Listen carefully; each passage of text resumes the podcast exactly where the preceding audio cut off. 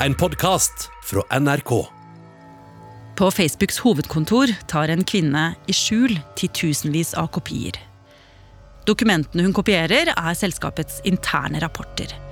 Og er ikke ment for noen å se utenfor Facebook. Ikke lenge etterpå smeller det. Facebook insider speaking out, saying the company knew its platforms were being used to spread hate and misinformation.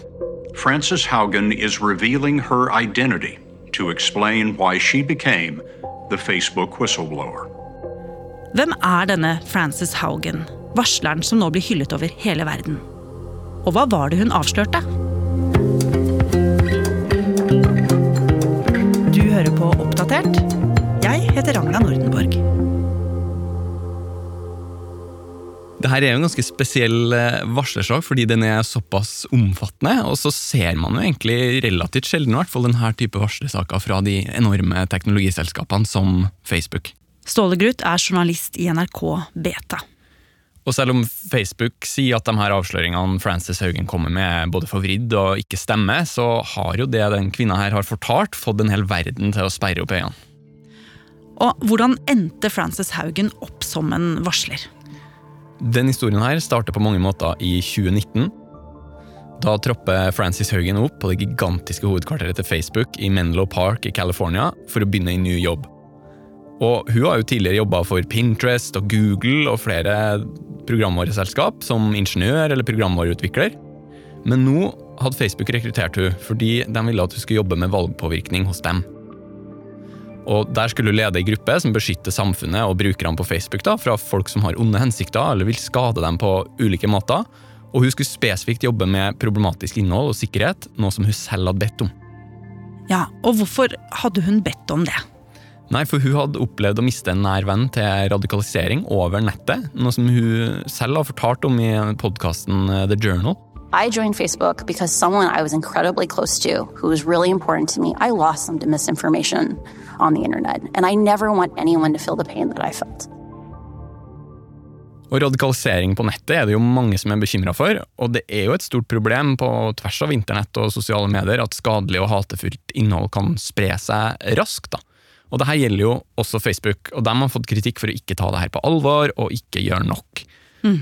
Og for eksempel så har jo Facebook blitt brukt til å gjøre en del dårlige ting. Ikke minst valget i USA i 2016 har jo fått ganske mye oppmerksomhet, fordi i etterkant av det så ble det avdekka en stor russisk påvirkningsoperasjon som hadde brukt Facebook og andre sosiale medier til å forsøke å påvirke valget. The social networking site was a breeding ground for misinformation. During the election season, Facebook was paid at least $100,000 by Russian troll farms for advertising. Og det er jo flere alvorlige eksempler på hvordan Facebook skal ha bidratt negativt. Well, a new bombshell investigation exposes Facebook's growing struggle to tackle hate speech in Myanmar. Reuters found more than 1,000 recent examples of posts, comments, and images on Facebook attacking Rohingya people. FN har jo f.eks. konkludert med at Facebook var en viktig plattform for å spre hat og oppfordre til vold mot rohingyaen, den her muslimske minoritetsgruppa i Myanmar som ble utsatt for massedrap og forfølgelser fra 2017. Ja, og alt dette visste jo Frances da hun gikk i gang med å lede en gruppe som skulle forhindre at Facebook ikke ble misbrukt til å spre f.eks. feilinformasjon og konspirasjonsteorier. Et arbeid som var veldig viktig, for det nærma seg det amerikanske valget 2020, der Donald Trump skulle kjempe om å beholde presidentskapet. Men Ståle, ganske raskt så fikk hun jo en dårlig følelse av arbeidsplassen sin. Ja, Hun beskriver for det første at de er altfor få folk. Hun leda en gruppe som besto av fire personer. Og når hun ba om å få flere kolleger eller større team, så fikk hun beskjed om at her i Facebook så forventes det at dere gjør utrolige ting med få ressurser. Og det var jo en ting hun syntes var problematisk. Og For det andre så forstår hun fort at det er mange andre på jobben hennes som tidligere har pekt på de negative sidene ved Facebook, uten å ha blitt møtt eller hørt på det.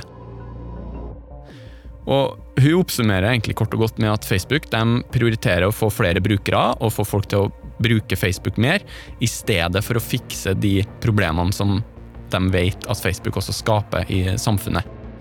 Og ikke bare det, det tredje hun oppdager, er jo at hun merker at Facebook er motvillig til å gjøre endringer som kan påvirke hvor mye penger de tjener, Hun mente at de var redd for å gjøre ting som ville gjøre Facebook mindre lønnsomt.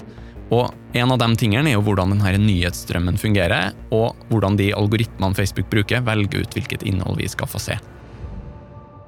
Ja, hvordan da?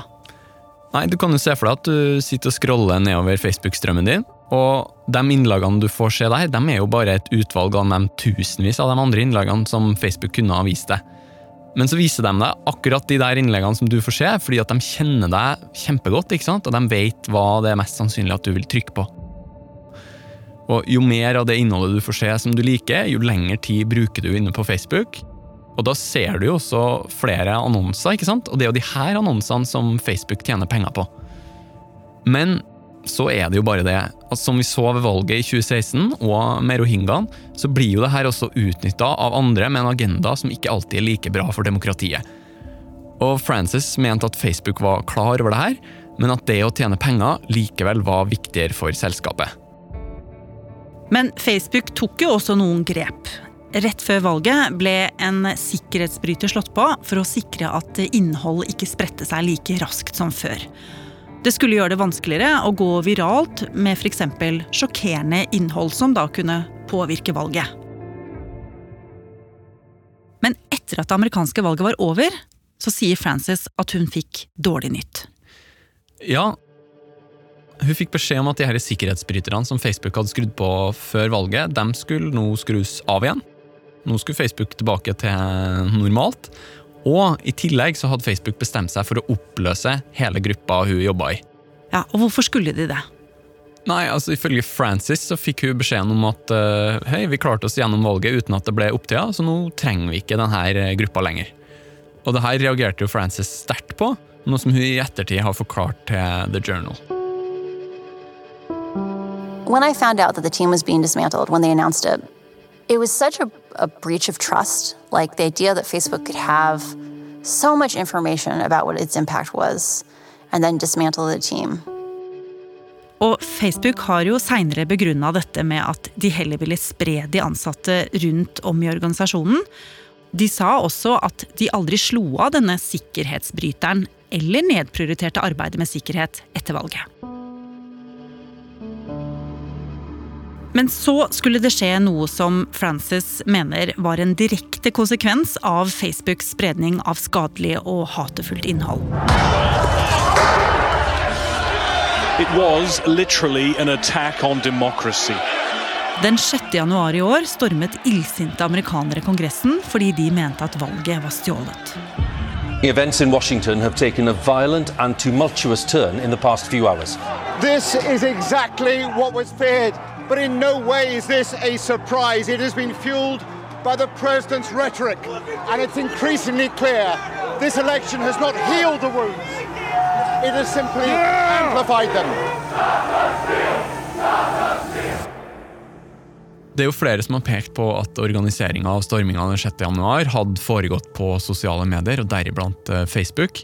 Frances mener hun så en sammenheng mellom det som skjedde da, og det faktum at Facebook hadde lempa på sikkerheten og skrudd av de bryterne som var aktive under valget.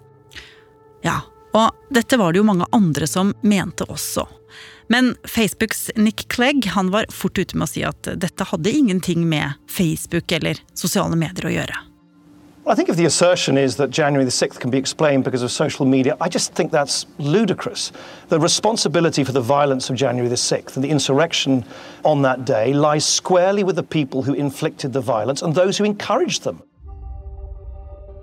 Men uansett, kongressstorminga var på mange måter siste dråpe for Frances. Og nå begynte hun å tvile på om det var riktig å fortsette å jobbe for dette selskapet, noe hun snakker om til podkasten The Journal. So I have kind of three choices. One is I can stay at Facebook and keep grinding and doing, you know, 70 hour weeks and not seeing the progress that I think is essential. I can quit and go do something else. And the third option is I can let everyone else know. Og etter en stund bestemte hun seg. Hun skulle slutte, og ikke bare det, hun ville også bli en varsler. Og Ståle, hvorfor var det så viktig for henne? Nei, Hun ville at Facebook ikke skulle kunne bortforklare de her tingene igjen, og at vi i offentligheten skulle ha nok info til å kunne lage nye lover som skal regulere Facebook og andre teknologiselskap. Så derfor begynte hun å samle bevis. Ja, hvordan gjorde hun det? Nei, Hun begynte med å søke gjennom Facebook sitt eh, intranett. Og Der så samla hun inn interne rapporter og forskning og andre dokumenter hun kunne finne som var relatert til saken. Eh, det ble til slutt titusenvis av dokumenter som hun kopierte og tok med seg ut av Facebook. Og den 17. mai, rett før klokka sju på kvelden, så logger hun på for siste gang på arbeidsplassen sin og skriver inn en beskjed til kollegaene som hun vet vil gå inn og sjekke aktiviteten hennes når det her blir kjent. Og der skriver hun Jeg hater ikke Facebook, jeg elsker Facebook, og jeg vil redde det. Og like etter ga hun informasjonen hun hadde tatt, til amerikanske myndigheter. Hun søkte om varslerbeskyttelse, og hun ga ikke minst mye materiale til en journalist i Wall Street Journal. Og i september så slapp denne avisen bomba.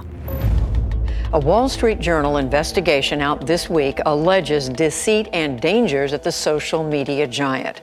Facebook's platforms are, quote, riddled with flaws that cause harm, often in ways only the company fully understands. A Facebook whistleblower has told US lawmakers that she believes Facebook's products harm children, stoke division, and weaken democracy. Og hele måneden så kom det et renn av avsløringer om Facebook. Facebook's CEO Mark Zuckerberg has always been aware of the dangers, choosing to put astronomical profits over the welfare of people. Det viste seg at ei stor og hemmelig gruppe av brukere har fått sluppet billigere unna enn vanlige brukere, og ikke fått innholdet og postene sine som er problematisk, fjerna. They have a process called X-Check, where millions of basically famous people, influencers, if they post comments they have at least a whole day before they're pulled down. They go to an elite separate review system, which really, think about this, that's pretty unbelievable. Neste artikkel handla om hvordan Facebook-eide Instagram skal ha hatt negativ påvirkning på enkelte tenåringsgrupper, spesielt jenter og deres kroppsbilde. Facebooks Instagram app is harmful to a number of teenagers, and Facebook knows it. De fortalte om hvordan Facebook sine algoritmer skaper splid og prioriterer innhold som gjør folk opprørt og sint. Hate speech and images of violence guarantee the most clicks and the most traffic. Our ugliest tendencies drive the data for adults and for kids. Og De fortalte også hvordan Facebook sine moderatorer i all hovedsak gjennomgår innhold fra USA. Og Dette har jo gjort at narkokartell og menneskehandlere andre steder i verden har kunnet bruke appene deres uten å bli kasta ut. Drug cartels were using the site to recruit hitmen. Human traffickers were also reportedly using the site to lure women into dangerous situations. After employees flagged these incidents, the documents show that Facebook did little to nothing at all. Og disse artiklene fikk jo folk med seg, og reaksjonene var sterke. Og like etterpå så ble Facebook innkalt til en underkomité i Senatet for å forklare seg. I think that our commitment to transparency in the last few years should be a very good indication of our uh, of our commitment. We're doing a tremendous amount to ensure transparency around our platform. Og like etterpå sto Frances Haugen fram som varsleren. Og hun snakket i flere medier, bl.a. i podkasten The Journal. Og med det så kunne hun også stille fysisk i disse høringene som pågikk i Senatet. But I'm here today because I believe Facebook stoked division and weaken our democracy. The company's leadership knows how to make Facebook and Instagram safer, but won't make the necessary changes because they have put their astronomical profits before people. Congressional action is needed. They won't solve this crisis without your help. Og det hun fortalte, skapte jo overskrifter verden over. Og nå har hun jo for alvor meldt seg inn i rekken av varslere fra tech-bransjen. Og som vi hørte fra høringen i Senatet, så sto hun jo på sitt, stikk i strid med det Facebook sa. For etter høringa gikk Mark Zuckerberg, sjefen for det hele, ut på Facebook og skrev at anklagene om at de prioriterer profitt over sikkerhet, rett og slett ikke er sant. Han skrev også at de har ansatt mange til å bekjempe skadelig innhold på Facebook. Og i ettertid har vi i Oppdatert vært i kontakt med Facebook Norden, som bl.a. skriver at argumentet om at vi med vilje pusher innhold som gjør folk sinte for å tjene penger på det, er dypt ulogisk. De skriver også at Facebook tjener penger på annonser, og at annonsørene konsekvent forteller Facebook at de ikke vil ha deres reklame ved siden av skadelig eller hissig innhold. Og når det gjelder hvordan Instagram påvirker unge, så skriver Mark Zuckerberg at det er misforstått. Og at deres egen forskning viser at mange tenåringer føler at Instagram faktisk kan hjelpe dem når de sliter. Så Ståle, hvem skal vi egentlig stole på her? Nei, altså Forskere har jo pekt på akkurat de samme problemene som Frances Haugen eh, løfter fram i mange år. Og Facebook har svart litt på samme måte som de gjør også her, i, i, like mange år. Og det er interessant nå da at hun er den første som på en måte kommer fra inne i Facebook, og litt høyt oppe i Facebook, og i tillegg har med seg dokumenter ut. Ja, for hva er det som skjer med Facebook framover nå? Får dette konsekvenser? Nei, Nå er det jo innkalt til flere høringer om det her, fra mm, politikere og i det amerikanske senatet. Og så vet vi jo fra tidligere også at stemninga rundt Facebook og de andre store teknologiselskapene har jo vært ganske dårlig i USA over lang tid. Det har lenge ligget an til at det blir en del endringer i lovverket og sånne ting. og det her kan jo kanskje gjøre at de endringene blir strammere eller kommer raskere, f.eks. Men for første gang så har vi i hvert fall fått et ganske stort vindu inn i Facebook, og det kan jo da medføre større konsekvenser for Facebook nå denne gangen. Og nå har jo også hele verden fått vite om det her, ikke sant? og det kan jo også da gi konsekvenser i andre land enn bare USA. Og vi vet jo mye mer nå enn før Frances tok med seg alle de dokumentene her fra Facebook og delte dem med hele verden.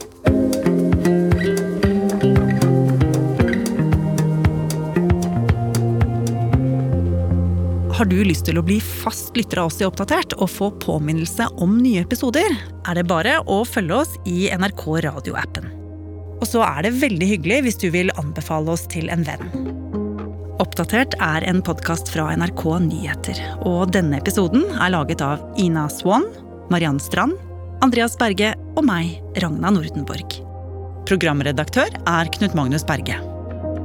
Vil du kontakte oss, gjør gjerne det på oppdatert krøllalfa nrk.no. Du har hørt en podkast fra NRK. Hør flere podkaster og din favorittkanal i appen NRK Radio.